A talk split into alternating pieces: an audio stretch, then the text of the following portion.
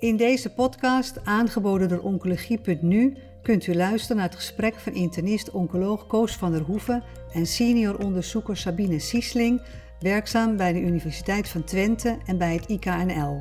Aan bod komen de laatste ontwikkelingen met betrekking tot de impact van COVID-19 op de kankerincidentie en behandeling, besproken tijdens de ASCO 2020 Virtual. Spreek met uh, professor Sabine Siesling, klinisch epidemioloog, verbonden aan het IKNL en aan de Universiteit van Twente. En ik ga praten over wat de consequenties zijn van uh, COVID op kankerdiagnostiek en op kankerbehandelingen. En eigenlijk wil ik nog even teruggrijpen op een eerdere podcast die we gemaakt hebben over de incidentie van uh, kanker in deze COVID-periode waar recent een publicatie over is geweest in de Lancet en waar uh, Din Mohamed en Sabine Sisling uh, de belangrijkste bijdrage hebben geleverd. Sabine, zou je eerst nog kort iets willen vertellen over die publicatie in de Lancet, wat dat aan informatie opleverde? Jazeker. Um, nou, de publicatie in de Lancet, uh, daar richten ons voornamelijk op, het, op de daling in aantal kankerdiagnoses die we zien vanaf eigenlijk week 9 Um, en die daling was voornamelijk te zien in huidkanker, maar eigenlijk bij alle tumoren. Um, en dat hield in dat er ongeveer 30 tot uh, 40, nou, zelfs, uh, zelfs 70 procent van de aantal uh, diagnoses minder werden gesteld.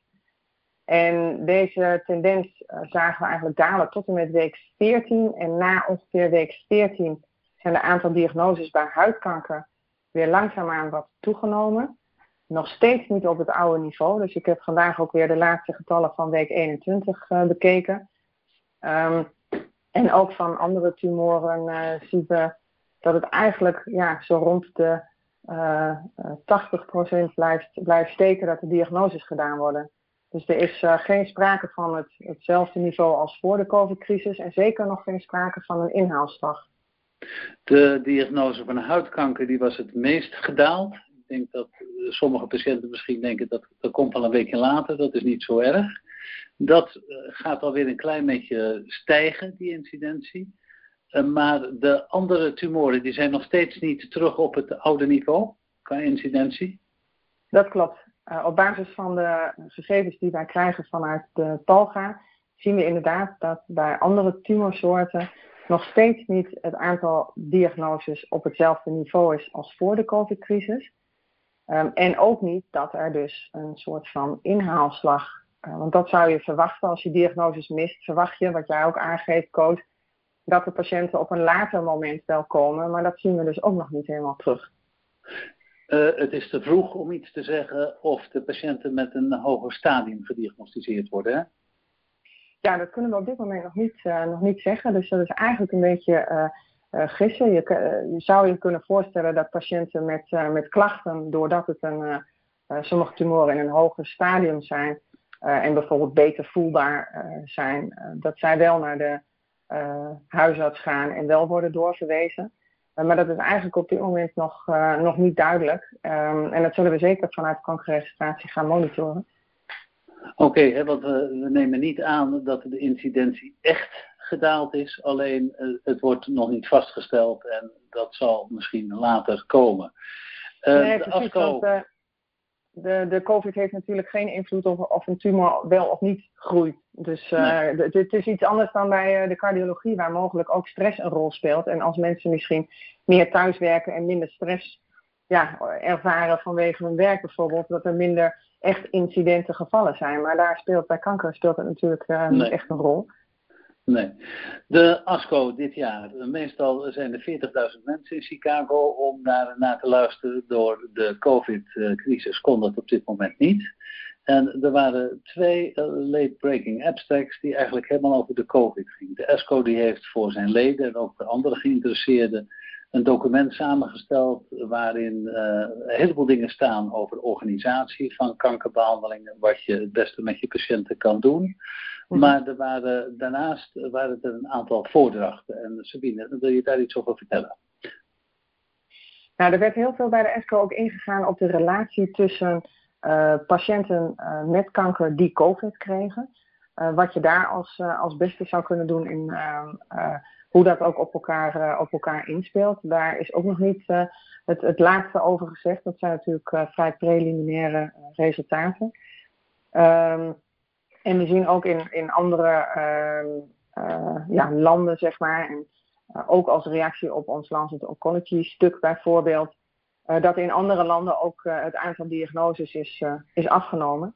En dat ze ook andere behandelstrategieën hebben gevolgd bij patiënten waar de diagnose wel is gesteld, om zo de patiënt zo min, zo min mogelijk ja, de weerstand te ontnemen. Omdat men bang is dat patiënten dan gevoeliger zijn voor een COVID-infectie. Maar de twee late-breaking abstracts die gingen over hoe het patiënten vergaat met kanker als ze COVID krijgen. Mm Wil je daar iets over toelichten? Nou, daar bleek uit dat, ehm, dat de patiënten gevoeliger leven.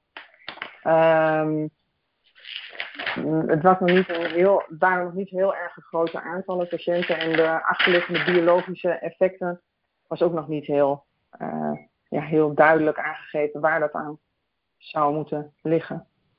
Nee, er, was, uh, er zijn instituten die heel snel met elkaar samenwerking gezocht hebben. En die gezegd hebben, alle kankerpatiënten die COVID hebben, die stoppen we in een database en die gaan we vervolgen.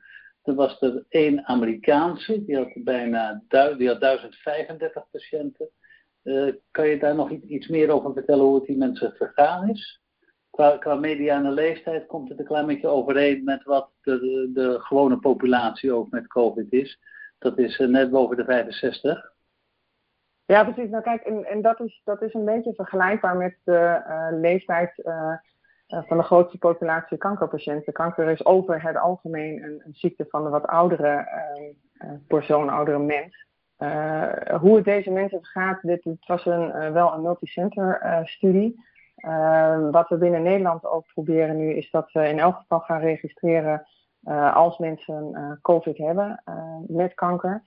Um, en we registreren daarbij ook of er bijvoorbeeld um, bij de kankerpatiënt die geen COVID heeft, of daar wel veranderingen in behandelbeleid is uh, gedaan. Uh, als apart ja, item, zeg maar, zodat we in elk geval uh, ja, onverwachte behandelpatronen kunnen verklaren doordat het in de, ja, door de, de COVID um, ja, anders is, is ingestoken dan primair de bedoeling zou zijn geweest. Ja, de, de presentatie van Warner, dat ging over 106 instituten, ruim 1000 patiënten. 82% solide tumoren, een klein deel hematologische tumoren. En daarbij werd gezien dat, dat bijna de helft van die patiënten werden opgenomen. En dat het een eh, mortaliteit had van, als ik het goed heb hoofd zeggen, 13%. Maar als je kijkt naar een Europese studie, of met name een Europese studie waar Annemarie Dingemans ook aan mee heeft gedaan, mhm. vanuit Nederland, dat ging om bijna 300 patiënten die uh, een tumor hadden in de thoraxholte. En daar bleek dat de hospitalisatie van die patiënten wanneer ze COVID hadden 76% was. En dat de 33% overleed. Dat was eigenlijk uh, tamelijk hoog. Ja, uh, ja. Sabine, je vertelt iets over dingen die je in Nederland wil doen met de kankerpatiënten bij wie COVID geconstateerd is. Ja, nou, onder andere ook samen met uh, Irene Dingemans en uh, uh, ook binnen andere centra um, is het denk ik heel belangrijk dat we kankerpatiënten die ook COVID hebben of hebben gehad, dat we die in kaart kunnen brengen. Dus op landelijk niveau gaan we dat als onderdeel opnemen in de kankerregistratie, dat we in elk geval die patiënten kunnen, kunnen pinpointen. Um, en daarnaast is het natuurlijk belangrijk om te gaan kijken van ja, welke patiënten zijn dat, wat je al aangaf. Het kan ook zijn dat door klachten um, van de longen, dat daar ook bij de CT-scan die dan gemaakt wordt, een oncologische maligniteit ontdekt wordt. Dat hoor ik ook veel vanuit um, de longgeneeskunde, dat ze zeggen van ja, we zien eigenlijk ook wel dat we tumoren hierdoor ontdekken. Als bijvangst. Als bijvangst, inderdaad. Ja. En nou, omdat het dezelfde leeftijdsgroep min of meer is, is de, de pakkans daarin, daarbij ook groter. Ehm, dus ja, we moeten dat gewoon echt heel erg goed gaan monitoren. Hoe dat met die patiënten vergaat. En waarom het met de ene patiënt ook beter gaat dan de ander. daarnaast moeten we ook heel goed kijken dat er geen soort van case mix variatie ontstaat doordat bepaalde patiënten in specifieke ziekenhuizen wel opgenomen worden en helemaal um, de, de, de, diagnose COVID goed wordt gesteld en, en andere patiënten bijvoorbeeld niet. En dat kunnen we natuurlijk vanuit de kankerregistratie wel halen, omdat dat ja, een landelijke registratie is zonder enig criterium of je wel of niet in de registratie komt. Ja, dus um, ja, in, in, bij de ASPO was er informatie over hoe het de patiënten vergaat. Een beetje slechter dan de gemiddelde patiënten die COVID heeft. Zeker als het om longkanker gaat, maar dat is ook mhm. wel een klein beetje begrijpelijk omdat die meer gecompromitteerd zijn. In Nederland proberen we dat ook goed te volgen. En de, de kankerregistratie wil de mensen labelen die COVID gehad hebben om te kijken of, dat, eh, of die een ander diagnostisch traject hebben gevolgd en of de behandeling anders is en of de uitkomst anders is. Is dat correct wat ik zeg? Ja, dat zal natuurlijk samengaan met, uh, met het klinische veld. Um, maar het is in elk geval goed om vanuit de gegevens die wij kunnen achterhalen in de ziekenhuizen, om dat in elk geval als, als item op te nemen. als een soort van ja, comorbiditeit ten tijde van de diagnose en, en behandeling. Uh, Sabine, wat je aan het begin vertelde, dat we nog steeds niet op het oude niveau zijn van de geregistreerde incidenties.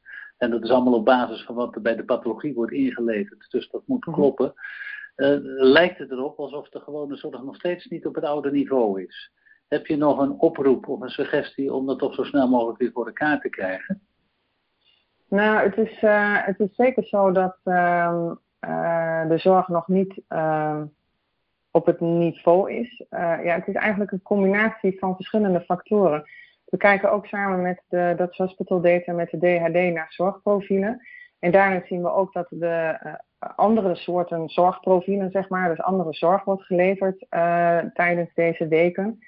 Um, maar het is ook een combinatie met dat de diagnose niet gesteld wordt. Dus dat er nog steeds lijkt alsof um, nou, mensen met klachten de zorg niet, niet opzoeken.